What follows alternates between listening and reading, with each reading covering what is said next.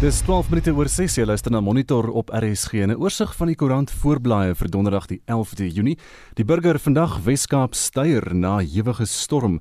Rampbestuurspanne staan gereed vir vloede, windskade en fotos van die onstuimige branders by die Seepunt Promenade en 'n oorstroomde kalkbaai. Die weerdiens waarsku dis nog nie verby nie. Daar's ook 'n berig oor die hofgeding oor tabakprodukte. Beeld vandag ma se lyk in drom sement. Dit sou alles uh, glo in 'n watergat beland.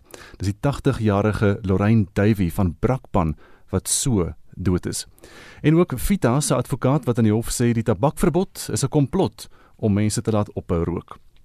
Volksblad vandag Greyseun positief getoets. Koshuis en eetsaal word ontsmet. Die leerling van die Grey College uh, wat die eerste in die Vrystaat is om positief te toets vir COVID-19 is van Pietermaritzburg en het skool toe teruggekeer Sondag. Business Day vandag organisasie vir ekonomiese samewerking en ontwikkeling sê Suid-Afrika moet dringend strukturele hervormings maak.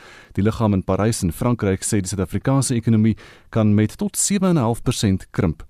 En daar's ook 'n berig oor personeel wat jaarlikse verlof oppot en so kopseer vir werkgewers veroorsaak. Dis vinnige oorsig van vanoggend se nuus. 10 jaar gelede was die eerste FIFA sokker wêreldbeker toernooi op die Afrika vasteland in Suid-Afrika gehou. Hoe opgewonde was jy en wat is jou gunsteling herinneringe? Het jy 'n wedstryd gaan kyk by een van die stadions en hoe het jy dit ervaar? SMS vir ons by 45889. Onthou dit kos R1.50 of jy kan gaan na facebook.com vorentoe skansreep ZRSG of WhatsApp vir ons stemnota na 076 536 69 6961 Nou die Suid-Afrikaanse Lughawensmaatskappy Axa sê dienste vir beperkte geskeduleerde vlugte is by die Kaapstad Internasionale Lughawe hervat. Baie veiligheidsmaatreëls is in plek om die verspreiding van die COVID-19 siekte te beperk en die personeel en passasiers in die lughawe gesond te hou. Kobben August doen verslag. Die hoofbestuurder van die lughawensmaatskappy Axe by die Kaapstad Internasionale Lughawe, Dion Kloete, sê dienste word hervat in lyn met die regulasies om die verspreiding van die COVID-19 siekte te voorkom. Die beperkte geskeduleerde binnelandse vlugte van twee lugrederye is gister begin. Kloete sê verskeie prosedure in die voorkoming van COVID-19 sluit in die verifikasie van reisdokumente, sanitering van hande asook die toepassing van 'n sosiale afstand tussen reisigers. Daar is in terme van die regulasie sekere dokumentasie wat ons verifieer. Daar is hierdie proses om te seker maak jy gebruik die sanitisation stasies. Jy moet jou veiligheids PPE soos hulle dit noem moet almal dra en ons het nou oral het ons maar eh, tekens aangebring op die vloer. Ons maak afkondigings. Ons het ook skerms en dis net om almal veilig te hou. Die passasier, onsself, die personeel en vir ons is dit baie belangrik. Die minister van Finansies en Ekonomiese Geleenthede in die Wes-Kaap, David Meyer, het die lughawe gisteroggend besoek. Hy sê hy is tevrede met die gereedheid van die lughawe om weer binnelandse vlugte te begin. I'm hugely impressed with the measures that have been put in place by the airport to ensure that passengers can travel safely. 'n Passasier wat gister van Kaapstad na Johannesburg gereis het, het laat blyk dat sy gelukkig is met die maatreëls om die COVID-19 siekte te keer. Amahle en Kwemla het die skanderingsproses vir die COVID-19 siekte by die lughawe beskryf. At the gate when you enter there's a screening um post and you can there's a questionnaire so that they can make sure that people are they good and they good to go onto the flight and everything. So the safety measures that are put in place are quite good. Die verwagting by die Kaapstadse internasionale lughawe is dat die getal reisigers in die volgende week sal toeneem, soos wat met meer binnelandse dienste onder vlak 3 van die inperkingsregulasies weer sal werk. Die heropening van plaaslike lugvaart is deur sakemense verwelkom wat sukkel na die verlies aan inkomste. Ek is Kob in August in Kaapstad. Die ER24 mediese nooddiens waarsku Suid-Afrikaners in veral die Wes en Oos-Kaap dat hulle moet warm bly te midde van die koue front. Marlenae Forsie berig, die maatskappy is veral bekommerd oor die voorkoms van hipotermie. 'n Woordvoerder, Enike van Huisteen, sê veral kinders, ouer mense en haweloses is meer vatbaar vir hipotermie, oftewel onder normale liggaamstemperature. Dit gebeur volgens haar wanneer die liggaam hitte vinniger verloor as wat dit kan vervaardig. Mense verloor hitte soos byvoorbeeld wanneer jy nat klere aan het of 'n waaier gebruik om jouself koel cool te hou. Deur geleiding wat die liggaamshitte lei na ander voorwerpe, soos byvoorbeeld as jy op 'n koue metaal stoel sit. Verdamping is natuurlik verantwoordelik vir nagenoeg 20 tot 30% van hitte wat verloor word in gematigde toestande. Mens verloor hitte in die omskakeling van water na gas of byvoorbeeld soos in die verdamping van sweet. Bestraling is 'n vorm van hitte wat verloor word deur infrarooi strale. Dit het te doen met die oorplasing van hitte van een voorwerp na 'n ander, soms met geen fisiese kontak nie. Met ander woorde soos die son die hitte oorplaas na die aarde deur uitstraling of deur strale. Daar is saaklik 3 fases van hipotermie. Die aanvanklike fase waar mens onder meer bewe, vinniger begin asemhaal en hartklopings ervaar. Dit word gevolg deur matige hipotermie waar die hart stadiger begin klop, die pupille vergroot, asemhaling stadiger word en 'n verandering in bewussyn voorkom. In kritieke gevalle is asemhaling skaars merkbaar, die pupille reageer nie en die persoon is moontlik in 'n koma. Hanteer hom of haar saggies. Beweeg die persoon ook uit die koue na 'n warm, droë plek en beskerm hulle teen die wind. Indien die persoon nat klere aan het, verwyder dit. Bedek die persoon met droë komberse en moet nie vergeet om die kop ook toe te maak nie. Maak seker dat hy of sy op 'n kombers of op 'n warm oppervlakte lê en gee die persoon 'n warm drankie indien die persoon wakker is en vloeistowwe kan drink. Monitor die pasiënt se asemhaling. 'n Persoon met ernstige hipotermie mag bewusteloos voorkom met geen tekens van 'n polsslag of asemhaling nie. Indien die persoon se asemhaling gestop het of gevaarlik min of vlak klink, begin dadelik met KPR. Sy waarsku verder dat verhitting binne jou huis op verantwoordelike wyse gebruik moet word. Indien jy gebruik maak van 'n kersse of 'n gasverwarmer om jou warm te hou, maak ook seker dat jy die kersse doodblaas wanneer jy gaan slaap of die kamer verlaat en maak ook seker dat jou gasbottel nog in 'n werkende toestand is en dat dit gereeld gevat word om gediens te word en seker te maak dat dit nog veilig is om te gebruik. Swaar reën en vratsvloede word plek plek verwag en van huis en sê dit is belangrik om ook hierop voorberei te wees. So indien jy in 'n area woon waar vloede voorkom, onthou om ten alle tye noodnommers op jou selfoon gestoor te hê. Probeer ook 'n noodhulpkussie buiterhand hê. Skakel al jou elektriese toestelle af en sluit die deure en vensters. Probeer die area verlaat voor dit te laat is en probeer na hoër grond beweeg. Indien jy in jou voertuig is, moet nooit deur 'n pad probeer ry wat oorstroom is nie. Die pad kan ook weggespoel word of jy kan deur die water meegesleep word. Moet ook nie deur vloedwater loop nie, want selfs 15 cm kan jou van jou voete afvee. Dit was 'n woordvoerder vir ER24 Enike van Huisteen. Ek's Marlene Forsie vir SAK nuus.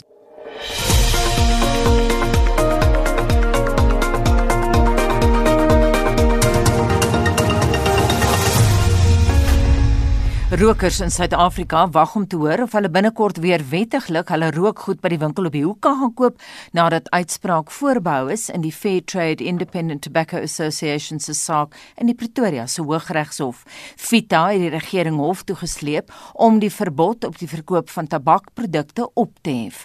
'n Volbank regters het die saak aangehoor en uitspraak voorbehou. Lila Magnus doen verslag. Die Fair Trade Independent Tobacco Association se advokaat Arnold Subel SC het nie eers probeer om subtiel te wees nie en het die verbod op die verkoop van tabakprodukte irrasioneel, drakonies en wreed genoem. Hy het gesê dit word gebruik as 'n voorhamer wat rokers tot onderdanigheid moet dwing. We've termed it a draconian prohibition. A ban of this nature is probably the most dramatic of any measure that can be taken. Difficult to think of anything more dramatic and draconian than a total ban or prohibition, shutting down an entire industry and causing what we submit enormous harm. And what characterizes the answering affidavit is that all the focus from the second respondent has been on a particular issue only. Hy het aangevoer die verbod affekteer die weerloosste mense, die meeste. The poorest of the poor are the ones who suffering particularly because they, instead of spending money now on hygiene, sanitizers, and improving their quality of life on food, will be paying black market prices now for these banned substances. That's the world we've been driven into now. And when informal sectors and informal traders and spaza shops keep begging, please relax it, it's destroying our businesses, it's fallen on deaf ears. Sobel het aan die hof gesê die minister van samewerkende regering en tradisionele sake Nkosazana Dlamini Zuma se onverbiddelike vasberadenheid om die verbod te behou is onverklaarbaar omdat daar geen mediese wetenskaplike bewyse is dat rook COVID-19 vererger nie. There have been studies scientifically in many countries and it's inconclusive. Then if you don't know, then you don't have a basis to prohibit. Because if you don't know, you can't do it on the basis under the sections 27.2 that's necessary. On what possible basis, informed basis, can you say it's necessary now to impose the prohibition? It is new, it's novel, it's unknown territory. Quite right. But it's indefensible. And that's why they say there's currently insufficient information to confirm any link between tobacco or nicotine in the prevention or treatment of COVID 19. Advokaat Marumo Murane SC het namens Tlamini Zuma gesê sy het binne die perke van die magte wat die rampbestuurwet vir haar gee opgetree. The state has a duty to take steps to prevent the spread of the disease and to reduce the burden on the health system. The minister is therefore constitutionally required to take decisions concerning lockdown regulations with this duty at the forefront of her mind. If the minister were to wait for such definitive proof, she would almost certainly be in breach of her constitutional obligation to promote and protect the rights to life and health care, as she would have failed to be sufficiently proactive in preventing the risk to the public from materializing. Hy het aan die hof gesê daar is meer as genoeg wetenskaplike bewyse om Dlamini Zuma se standpunt te ondersteun. According to the opinions of those more qualified than FITA or, or lawyers, the evidence is clear that smokers are at heightened risk of developing a more severe form of COVID 19. FITA says it's common cause that the evidence is in, in, inconclusive. We, we submit that that is not correct. Emerging medical literature indicates that smokers are more likely to develop a more severe form of COVID-19. Morane sê die verbod skend nie rokers se regte nie omdat dit slegs tydelik is. Regter Dunstan Lambo sê die volbank regter sal al die betoë oorweeg en hul uitspraak per e-pos bekend maak. Hy het al die partye verseker die regter sien die saak as ernstig. Ek is Lila Magnus vir SAIK nuus in Pretoria. Is 29 minute oor 6 en 10 jaar gelede was Suid-Afrikaners optimisties tydens die openingswedstryd van die eerste FIFA sokker wêreldbeker toernooi op die Afrika vasteland. Sokkerentoesiaste van oral het na die suidpunt van Afrika gereis om hulle nasionale spanne te ondersteun. Maar daar was kommer oor die gebruik van vuvuzelas binne in die stadions na internasionale sokkerspelers die eerste keer by die 2009 FIFA Konfederasiebeker toernooi leer ken het. Die vuvuzela is sedert die 70er jare deel van die Suid-Afrikaanse sokkerkultuur. Alle televisie-uitsendings van sokkerwedstryde het dieselfde kenmerkende klank daarvan in die agtergrond met aanhangers wat hulle spanne daarmee ondersteun.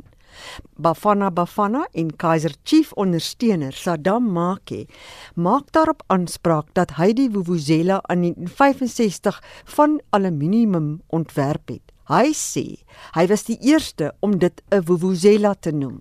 Everybody know vuvuzela. And then the name of vuvuzela was Lipatata, was Boogie Blast, was Trumpet until I changed the simple name to say vuvuzela. Vuvuzela means welcome and unite. Of course, we welcome everybody and unite. As our late Nelson Mandela says, what is unite? Daar was baie kritiek teen die gebruik van die vuvuzela omdat dit so 'n oordowende geluid maak. Dit is in Europa en in Noord-Amerika daaroor verban nadat vir die eerste keer by wedstryde in 2009 gebruik is.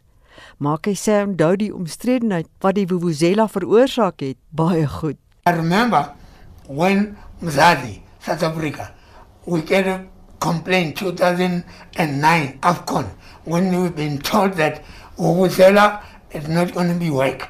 I said because I'm an owner, I'm a founder, I'm a pioneer of vuvuzela. If someone say we must not use vuvuzela, I'll be the first man to be arrested. FIFA het die verbod op vuvuzelas in stadions voorgestel omdat dit as 'n moontlike wapen vir sokkerboewe gesien is. Maar die wêreldreguleringsliggaam het uiteindelik die gebruik daarvan by wedstryde toegelaat. Dit was na die FIFA president in daardie tyd, Sepp Blatter, gevoel het dat FIFA nie 'n Afrika Wêreldbeker moet vir Europeërs nie. Volgens hom gaan 'n sokkerwedstryd in Afrika en Suid-Afrika oor 'n geraas, gedans, opgewondenheid en pret. Die huidige president van die Suid-Afrikaanse Sokkervereniging, Danny Jordaan, wat in 2010 die uitvoerende hoof van die Wêreldbeker plaaslike organiseringskomitee was, sê toe Suid-Afrika sy bod vir die toernooi ingedien het, is gesê dat dit 'n Afrika Wêreldbeker gaan wees. Daarom kon hulle nie swig onder die druk om dinge te verander wat uniek aan Afrika is nie. And what a success it was. It was voted the best World Cup in FIFA's history in 2010. We, we, we proved to the world that Afro-pessimism was wrong. To assume that Africa doesn't have capacity is wrong. The 2006 World Cup in Germany generated 2.8 billion US dollars. South Africa generated 4 billion US dollars. Suid-Afrika en die vasteland het die skeptici uiteindelik verkeerd bewys deur 'n suksesvolle toernooi aan te bied. Sommige het voor die tyd selfs by FIFA aangedring om 'n plan B te hê. Jordan sê hulle die wêreld se afro-pessimisme verkeerd bewys. This is a World Cup that brought to the world's attention the vuvuzela. And um, some liked it, some didn't like it.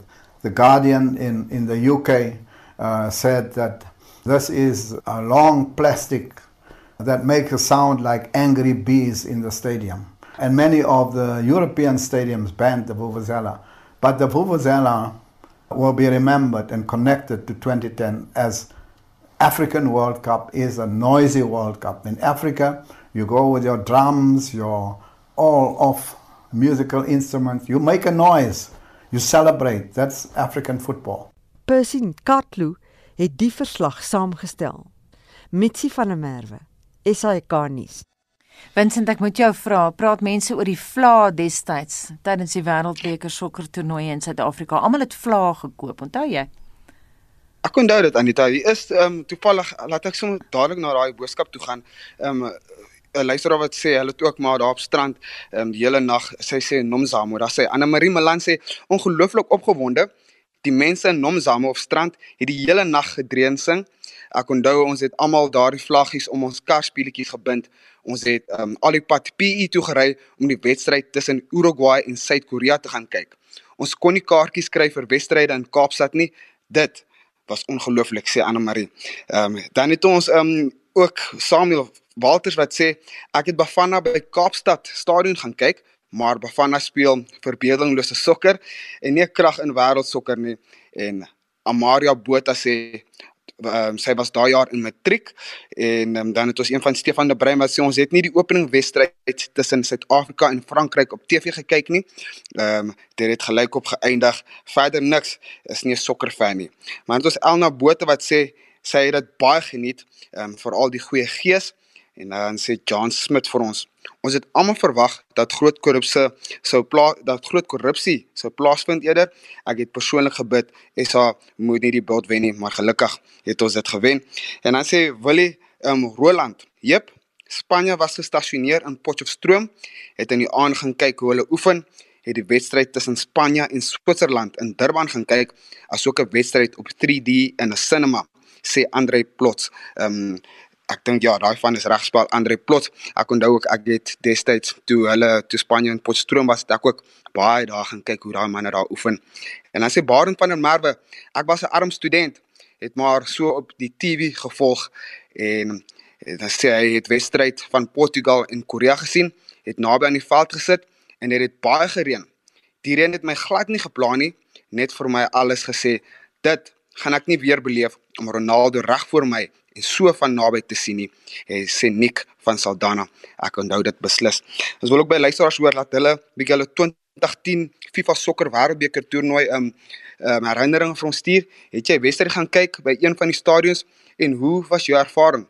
Laat ons weet, stuur vir ons 'n SMS by 45889. Dit kos jou R1.50 per SMS en jy kan ook saamgesels op ons Facebook bladsy. Jy vind ons by facebook.com vorentoe skynstreep ZRSG of stuur maar jou stemnota aan.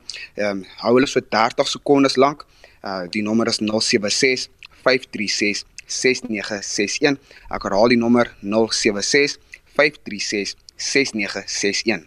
Dis nou 20 minute voor 7 en Shaun Jooste het die jongste sportnuus. Ons begin met rugby nuus. Rugby Australië het gister aangekondig dat hulle plaaslike Super Rugby kompetisie op 3 Julie afskop en oor 12 agtereenvolgende weke sal plaasvind. Die toernooi sal uit al vier Super Rugby franchises, die Brumbies, Rebels, Reds en Waratahs bestaan, met die Western Force wat ook by hulle aansluit. Die eerste naweek sal die Reds in Brisbane teen die Waratahs en die Brumbies in Canberra teen die Rebels kragte meet. Onthou gerus dat Nieu-Seeland se plaaslike kompetisie hierdie naweek begin. Cricket. KFC het hulle kontrak met Cricket Suid-Afrika gister met 5 jaar verleng. KFC sal nou die hoofborg van die T20 internasionale wedstryde in Suid-Afrika bly, terwyl hulle ook die hoofborg van die mini cricketprogram vir die volgende 3 jaar sal wees. Tennis. Die wêreldnommer 4 manspeler Roger Federer van Switserland het aangekondig dat hy eers weer in 2021 na die baan sal terugkeer nadat hy 'n tweede knieoperasie vir die jaar ondergaan het. Die 38-jarige Federer se laaste toerwedstryd was op 30 Januarie by die Australiese Ope toe hy in die halfeindstryd teen Novak Djokovic van Servië verloor het. Federer het reeds 20 Grand Slams en 103 toertitels agter sy naam en beoog om goud by die 2021 Olimpiese spele in Tokio te wen. Op die golfbaan word die PGA Tour vanmiddag in Texas by die Charles Schwab uitnodigingstoernooi in Fort Worth hervat. Die toer is sedert Maart weens die koronaviruspandemie opgeskort en sal vereers sonder toeskouers plaasvind. 148 spelers neem aan die toernooi deel met die wêreld se top 5 Rory McIlroy van Noord-Ierland, die Spanjaard Jon Rahm en die Amerikaners Brooks Koepka, Dustin Johnson en Justin Thomas ook deel van die veld. Die Suid-Afrikaners wat in aksie sal wees is Louis Oosthuizen, Erik van Rooyen, Christian Besaidnout, Brandon Grace, Dylan Fratelli en David Frost. Die Amerikaner Kevin Na is die verdedigende kampioen. En laastens in sokkernuus herinner ons ook graag dat die Spaanse La Liga vanaand 10uur met die derby tussen Sevilla en Real Betis hervat word. Shaun Schuster SAK Sport. Verskeie Suid-Afrikaanse universiteite wat nog nie begin het met aanlyn onderrig nie, skop volgende maandag daarmee af. Die Tshwane Universiteit van Tegnologie se benadering verskil egter merkbaar van ander universiteite se. Die universiteit volg eerder 'n sogenaamde multimedia model as slegs aanlyn klasse. Die rektor, professor Lourens van Staden, het aan Madeleine Forsie verduidelik hoe hulle die benadering, hoe die benadering in mekaar steek. Ons is die grootste kontak universiteit in Suid-Afrika en in Afrika. Ons het 'n inskrywing van oor die 65000 studente in 5 provinsies van Suid-Afrika. 90% van ons studente is finansiëel baie baie arm en hulle woon in die verafgeleë platteland. Nou in die verafgeleë platteland waar hierdie studente hulle tans bevind, is daar in baie gevalle, indien nie die meeste gevalle nie, is daar geen elektrisiteit nie, daar's geen konnektiwiteit nie. So hulle het nie die vermoë om die sogenaamde online onderrig en leer benadering te volg nie. Uit vraelyste wat aan studente gestuur is, blyk dit dat minstens 70% van die studente nie toegang tot die nodige toerusting en toegang tot die internet beskik nie. Leermateriaal word nou hoofsaaklik deur die pos aan studente afgelewer, soos wat Unisa doen. Hy sê die aankoop van sowat 50 000 skootrekenaars teen sowat 250 miljoen rand is onmoontlik en dat die huidige metode meer prakties is. Die minister van hoër onderwys, Dr. Blyden Zimande, het intussen besoek afgelê aan die kampus. Ons het 'n besonderse goeie verslag gekry dat ons uiters gereed is en die minister is op rekord dat hy baie beïndruk is met ons gereedheidsvlak en ons het ook ons hele multimodal onderrig en leermodel papier gebaseer is en aanlyn gebaseer is aan die minister voorgelê en die hele groep wat daar was gister, hulle is hoogs tevrede en hulle vind dit 'n baie innoverende onderrigmodel as 'n sogenaamde emergency interim plan om aan die gang te kom. Volgende maandag keer alle mediese finaaljaarstudente terug na die kampus, waarna 'n derde van die universiteit se studente vanaf die 22ste Julie verwag word. 24 Augustus kom die tweede, derde terug en by 4 September kom die laaste groep terug. Dis die tweede jaars wat dan beteken dan is hulle almal op kampus. Eerste semester is geskeduleer van die 29ste Junie tot die 2de Oktober En dan sal die tweede semester begin op 12 Oktober en hy sal eindig 29 Januarie volgende jaar. Daar sal aan die einde van die jaar van 11 Desember tot 4 Januarie sal daar 'n kort reses wees en dan sal ons eksamens vir alle studente sal plaasvind Februarie, Maart en April. In Januarie is daar boonop 'n opvangprogram vir studente wat nie kon byhou tydens die inperkingsregulasies nie. Ons sal ons nuwe studente vir 2021 die aansoeke ontvang ons reeds. So ons sal 'n nuwe groep eerstejaars volgende jaar inneem met die hoop dat uh, die graad 12s wat nou teruggekeer het skool toe graad 12 kan voltooi. Ons het net met die leidskedule so op die oomblik indien situasie in die land versleg het ons 'n baie flexible program vir onderrig en leer So indien hulle dit terugneem na vlak 4, dit is ons gereed daarvoor dan hou ons aan papier gebaseer, maar indien die vlakke verlaag word soos wat ons antisipeer, sal ons die implementering doen soos wat ek dit vir jou nou uiteengesit het. Dit was die Tshwane Universiteit van Tegnologie se rektor professor Loudens van Staden. Ek's Marlene Forsie vir SAK nuus. Dis 14 minute voor 7 en Etcon se sakereddingsspan het maandag 'n plan bekend gemaak en hulle stel voor dat die hele groep op sy verskillende dele so gou moontlik verkoop moet word. 'n Ekonom van Galileo Capital, Theo Foster, sê in die praktyk sal 'n paar dinge nou moet gebeur. Die sakereddingspraktisyn nooi mense uit om hulle belangstelling te toon en daarna is daar 'n spesifieke proses waar mense dan deur 'n nou lettertydsondersoek sal gaan, 'n waarde probeer bepaal en dan 'n aanbod maak aan die sakereddingspraktisyns. Onthou hulle het 'n baie volledige plan ook maandag uitgereik. Dis 'n plan van hierso meer as 60 bladsye wat hulle detail gee oor presies hulle stappe, hoe die dinge mekaar steek, maar die slotsom is dat hulle mense uitnooi om te sê of hulle belangstel al dan nie. Aanvanklik het hulle belangstelling gehad, hulle het op 'n stadium soos 19 partye gehad wat gesê het hulle sal op een of ander basis belangstel. Dit het intussen 'n bietjie afgekom, maar nou het hulle mense uitgenooi om spesifiek te kom en hulle belangstelling te registreer, daarna 'n tipe van 'n ooreenkoms teken dat hulle sal nie die inligting bekend maak aan ander partye nie en dan begin met 'n ondersoek om 'n werklike waarde te probeer bepaal. So hierdie is 'n proses om waarde te probeer ontsluit. Basio, jy sê dat 'n veiling beteken geen geld. Ja, wat in die sake reddingspraktisyn se dokumentasie is dat hulle basies vir die firma Deloitte gevra om 'n waardasie te doen op die besigheid en wat sou gebeur as hy fisies in 'n likwidasie sou ingaan en verkoop word aan die hoogste aanbod. In so 'n scenario het dit gebleik dat nie gesekureerde skuldeisers, dit wil sê mense vir wie Edcon groep geld skuld maar wat nie byvoorbeeld 'n verband oor 'n eiendom het of regte op sekere goedere het nie, dat daai mense 0 sent in die rand gaan kry. Dit beteken daar gaan niks oorbly nie. En die sake reddingspraktisyns se doel is om 'n proses te probeer bestuur wat hulle ordelik mense uitnooi om 'n aanbieding te maak, dan te kyk wat hulle waarde daarop sit en dan probeer so van die bates likwideer om waarde te probeer ontsluit. As jy kyk na die balansstaat wat die sake reddingspraktisyns bekend gemaak het saam met hierdie dokumentasie, reken hulle dat daar's bates van 10,9 miljard rand in die groep. Nou ongelukkig as ek daarna kyk, is dit klomp van daai bates nie werklik tasbare bates nie. En 'n tasbare bate se waarde is net as daar regte besigheid is waar bestuur word. Andersder is dit nie so hoog nie, maar goed, daar is op papier 'n klomp bates. Die vraag is nou net, wat gaan die skuldeisers of die verpligtinge doen wanneer jy met so 'n proses begin? Want deel van 'n sakereddingsproses is om juis te praat met die skuldeisers, die mense met wie kontrakte is en te probeer kyk of mense nie met 'n ooreenkoms met almal kan bereik om sodoende waarde te ontsluit.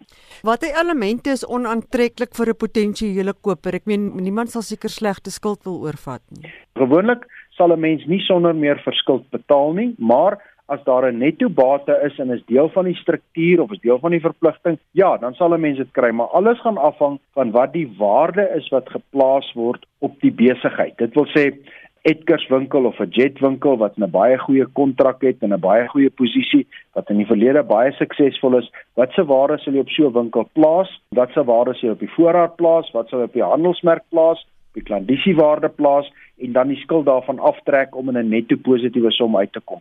Die volgende stap sal wees en is presies wat die sake reddingspraktisyns ook na mik toe partye gaan sê hulle stel belang, maar dan gaan die partye 'n detail ondersoek moet doen om te gaan kyk wat is hierdie bates, wat is die laste wat ek dan moet aftrek, wat is onderhandelbaar, wat is nie onderhandelbaar, hoe lyk die werksmag, watter van die mense kan ek werklik bekostig om die besigheid nog suksesvol te maak. Behalwe vir die ondersoek is hier 'n baie gedetailleerde herstruktureringsprogramme ook in die dokumentasie wat verder gevoer gaan word met die potensiële koper. Sien nou daar's 'n goeie handelsnaam of daar's 'n goeie verhouding met 'n internasionale handelsnaam wat goed verkoop het as deel van die besigheid. Sou 'n ander besigheid in Suid-Afrika so 'n onderdeel hiervan sou dit verkoop kon word as nie 'n volle besigheid soos wat met die CNA gebeur het nie. Ja, verseker. Ek dink ook dis waarna mense sal kyk want uiteraard moet 'n mens besef dat daar is van die winkels wat 'n beter handel dryf as van die ander winkels. So wanneer jy so ding op die tafel sit, sal enige koper uiteraard kyk na wat vir daardie koper waarde inhou en die koper sal met soos met enige transaksie ook voorwaardes daarin sit en daai voorwaardes sal dan deel wees van die alternatiewe waarna die sake reddingspraktisyns kyk. Maar ja, verseker, daar's geen waarborg dat dit in geheel sal wees en daar's ook geen waarborg dat die maatskappy wat uit sake redding kom as dit sou suksesvol is, gaan verseker nie lyk soos die maatskappy wat in sake redding ingegaan het, want die maatskappy wat in sake redding ingegaan het, was eenvoudig finansiëel nie volhoubaar nie. Theo Forster is 'n ekonom by Galileo Capital wat met Mitsi van der Merwe gepraat het. En ons bly by ekonomiese sake. Die Rand Akse Bank het sy sakevertroue indeks vir 2020 gister bekend gemaak en vir meer inligting daaroor praat ons nou met die bank se hoofekonoom Etienne Leroux. Goeiemôre Etienne. Môre Anita, môre Gustav. Môre. Julle sakevertroue indeks het nou van 18 na 5 gedaal in die tweede kwartaal, maar gegee die COVID-pandemie en die inperkings was dit sekerlik te wagte. Ek ek dink in retrospek as jy reg Anita, ehm um, COVID-19 is tog 'n wêreldwye pandemie en dit het natuurlik wêreldwyd ekonomiese aktiwiteit baie seer gemaak. Dit lande het hulle internasionale roetes begin toemaak, ehm um, grensposte is gesluit. Ehm um, En dit is natuurlik iets wat um, ons uitvoerders en invoerders hier in Suid-Afrika baie geraak het. En boonbehalwe dit um, 'n paar maande terug het ons natuurlik mos nie geweet dat die staat sulke streng inperkings ehm um, sou sou instel nie. So 'n kombinasie van daai faktore verklaar die resultate goed dink ek. Het een vertel ons meer van julle aanlyn peiling uh, tussen 13 Mei en 1 Junie. Watter sektore het julle geteken en met hoeveel sakelei het julle gepraat? Uh seker Gustaf, um, ons opname het omtrent so 1800 um sakelei um bereik en soos oudergewoons um is die opname gestuur na sakelei in vyf sektore. Die vervaardigingssektor, die kleinhandel, groothandel, um motorhandelaars en ook dan die bou en konstruksiebedryf. Ek moet sê die reaksie was ook um relatief goed geweest, so die responskoers was glad nie in lyn met um van ons vorige vorige opnames nie. Etienne dis dan ook die laagste syfer sedert jy met meting begin het in 1975 en ek verstaan 'n syfer van 5 is 'n aanduiding dat daar byna nie 'n enkele respondent was wat enigsins vertroue in die ekonomie getoon het nie.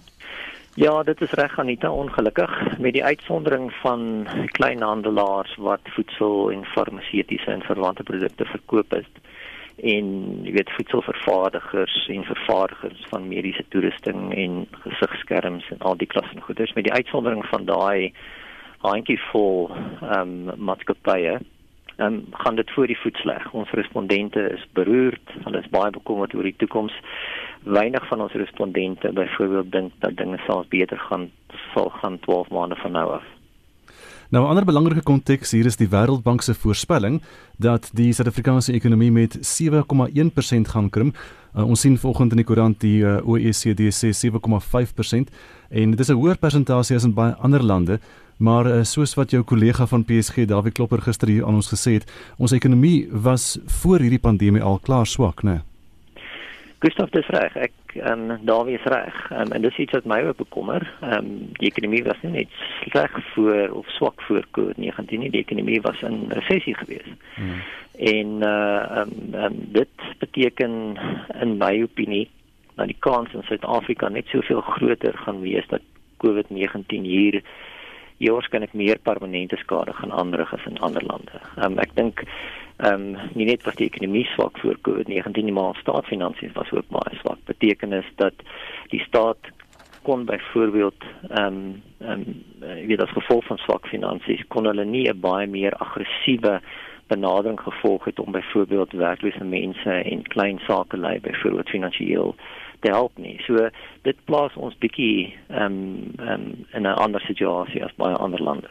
Etienne, ek wil hê jy moet uitbrei op jou voorspelling. Jy skryf in jou nuusverklaring dat COVID-19 die ekonomie drasties verander het in die alreeds swak ekonomie landskap dalk vir altyd verander het. Hoe dink jy gaan die hele ding uitspeel sê oor die volgende 2 jaar?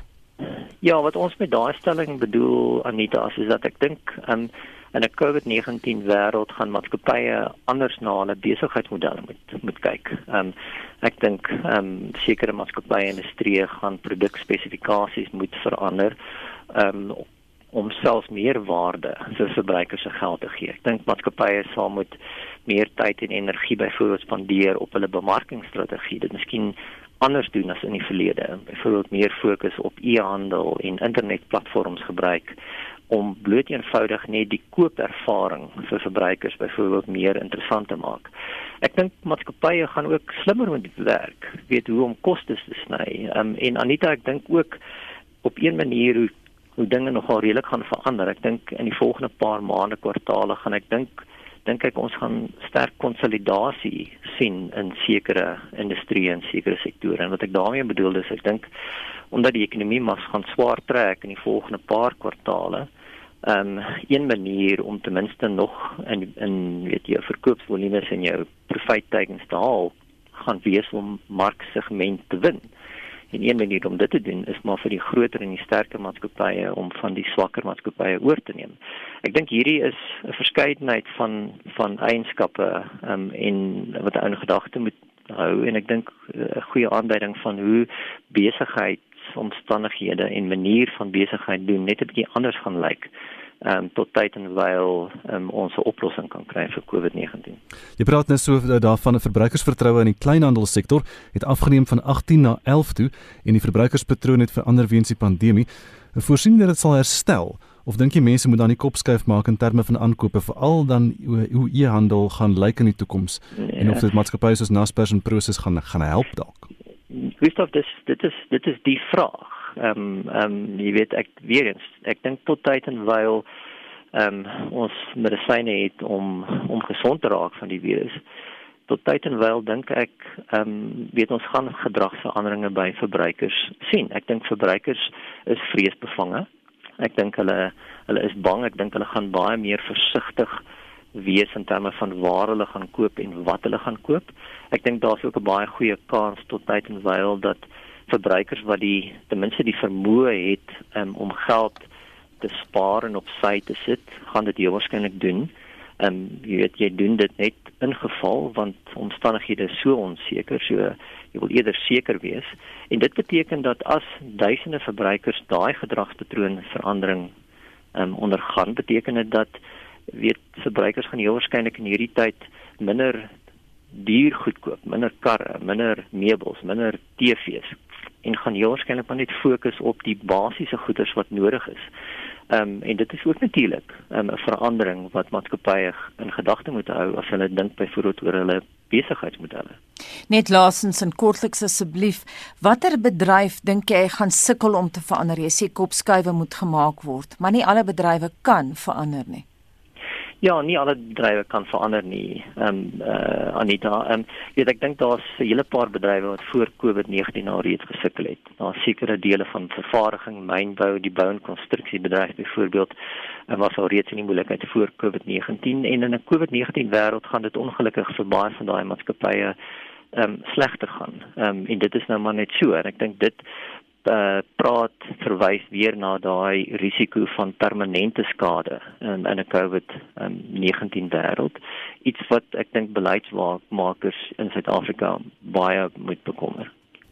Net vinnig ek nou gesê laaste vraag, maar vinnige laaste vraag. Hoe sou mense ekonomies kon herstel? Kan jy vir ons so in twee sinne sê?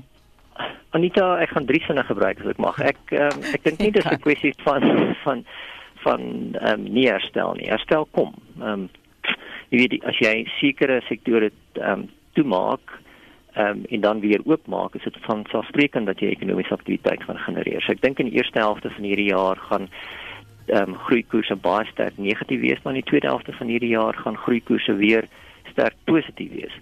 Vir my ehm um, miskien 'n meer belangrike vraag is, is om te vra, weet hoe lank gaan dit Suid-Afrika en sekere sektore vat om weer terug te gaan na die beginpunt toe voor COVID-19. En ek dink daar sal ons maar net versigtig moet wees. Ek dink dit gaan bietjie langer vat um, as as normaal. Baie dankie en so sê die hoof-ekonoom by die Rand Aksie Bank Etienne Leroux en daardie onderhoud bring ons tot by 7 uur.